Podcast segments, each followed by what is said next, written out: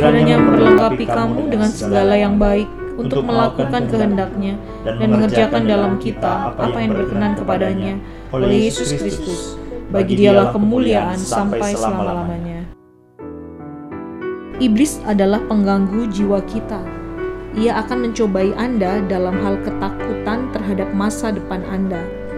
Apa jadinya jika Allah membawa engkau ke dalam kesulitan ini dan itu, atau ujian begini dan begitu? Ketika engkau harus dibakar atau menyangkal Tuhan, atau ketika semua kekayaan lahiriahmu dilucuti dan tidak tersisa sepeser pun di dompet Anda? Beranikah engkau berpikir bahwa imanmu akan terus bertahan pada saat pencobaan demikian? Iblis sedang melemparkan perangkapnya. Iblis mencoba menggunakan ketakutan akan kesulitan di masa depan untuk membuat Anda mengabaikan kewajiban Anda sekarang, dan kemudian Anda menjadi tidak siap menghadapi datangnya ujian di masa depan ketika ujian itu menimpa. Jikalau seseorang mempunyai banyak urusan untuk dilakukan besok, ia perlu menanggalkan semua urusan dari pikirannya di malam sebelumnya, agar ia memperoleh istirahat yang dibutuhkan untuk persiapan besok.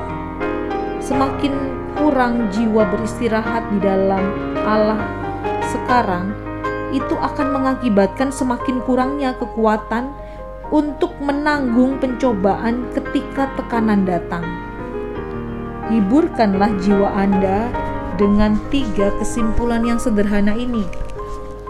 Yang pertama, setiap peristiwa adalah hasil dari providensi Allah.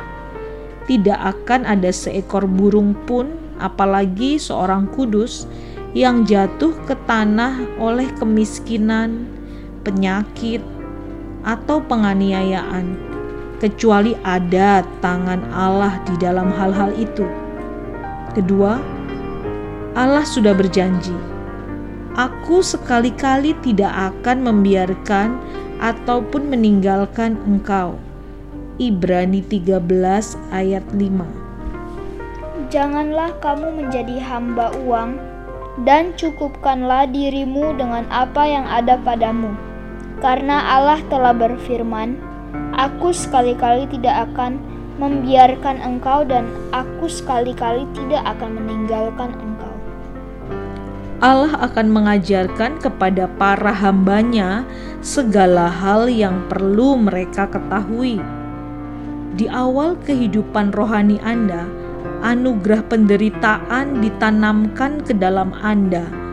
Demikian juga anugerah untuk berdoa. Tiga, Allah di dalam hikmatnya menyelubungi penghiburan-penghiburan yang akan dikaruniakannya kepada Anda menurut tahapan yang bervariasi di dalam hidup Anda, sehingga ia dapat mendorong hati Anda untuk bergantung penuh pada janji-janjinya yang pasti pada masa sekarang ini. Itulah sebabnya untuk menguji kekuatan iman Abraham, ia mengizinkan Abraham meneruskan hingga tangannya teracung untuk menikam Ishak dan barulah Allah datang menyelamatkannya. Kristus mengutus murid-muridnya ke tengah danau, sedangkan ia sendiri tetap di tepian dengan rancangan untuk menguji iman mereka dan menunjukkan kasihnya. Hiburkanlah diri Anda sendiri dengan hal ini.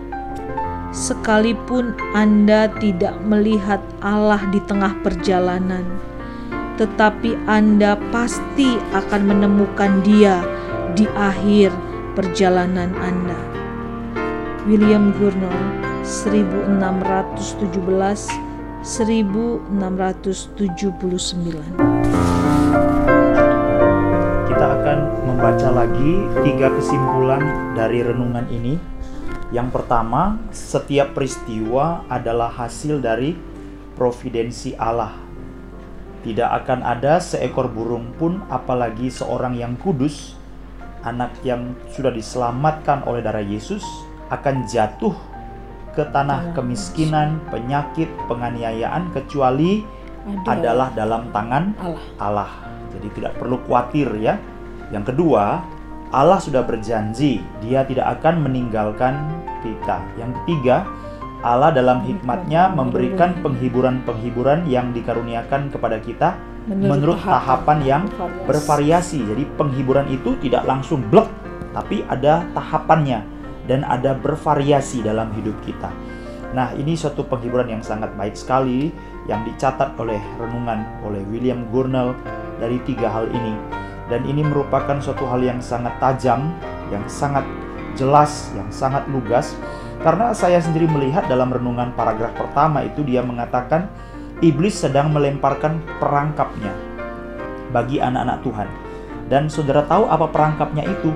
Perangkapnya adalah dia memberikan ketakutan dan kesulitan masa depan. Jadi kesulitannya belum tentu datang, tapi dia sudah kasih tahu psycho war. Jadi dia sudah kasih tahu, nanti kalau nggak begini, nanti begini loh. Nanti kalau kamu seperti ini, nanti begini loh. Nanti kalau begini, begini loh. Jadi dia sudah kasih tahu semacam satu mob, satu gertakan. ya.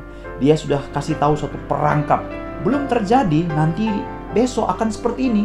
Besok akan seperti ini. Kalau nanti seperti ini, dia akan buat seperti ini. Padahal itu sebenarnya belum tentu terjadi. Makanya tiga kesimpulan tadi.